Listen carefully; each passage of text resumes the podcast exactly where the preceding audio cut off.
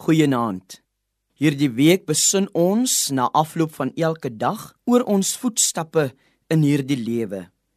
In Matteus 18 verse 7 tot 8 staan daar geskrywe: Wee die wêreld weens die struikelblokke, want dis noodsaaklik dat daar struikelblokke kom, maar wee die mens deur wie die struikelblokke kom. En as jou hand of voet jou laat struikel, kap dit af en gooi dit weg van jou af. Dit is vir jou beter om in die lewe in te gaan, kreupel of vermink, as om twee hande of voete te hê en in die ewige vuur verwerp te word.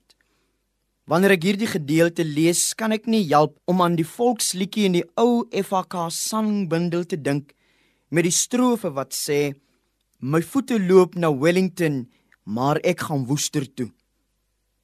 Jesus sê hier dat struikelblokke uiteraard noodsaaklik is in hierdie lewe. Hy verwerp dit glad nie.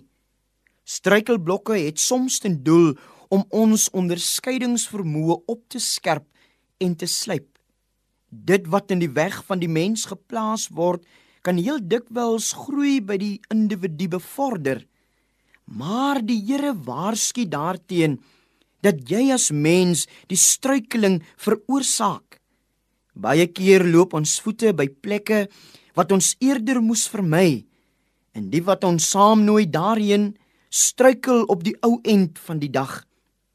Dit resoneer met die bede in die onsse Vader gebed. Lei ons nie in versoeking nie.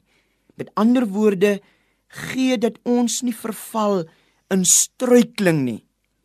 Om te struikel beteken om jou voet teen 'n voorwerp te stamp en jou balans te verloor. Die kuns is om jou balans te behou en sodoende die val af te weer.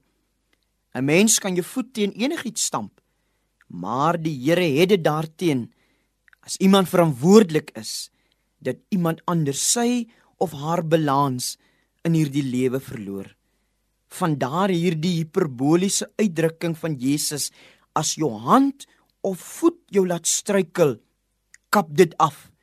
Met ander woorde as dit jou balans in die lewe beïnvloed is dit beter dat jy daarsonder klaarkom.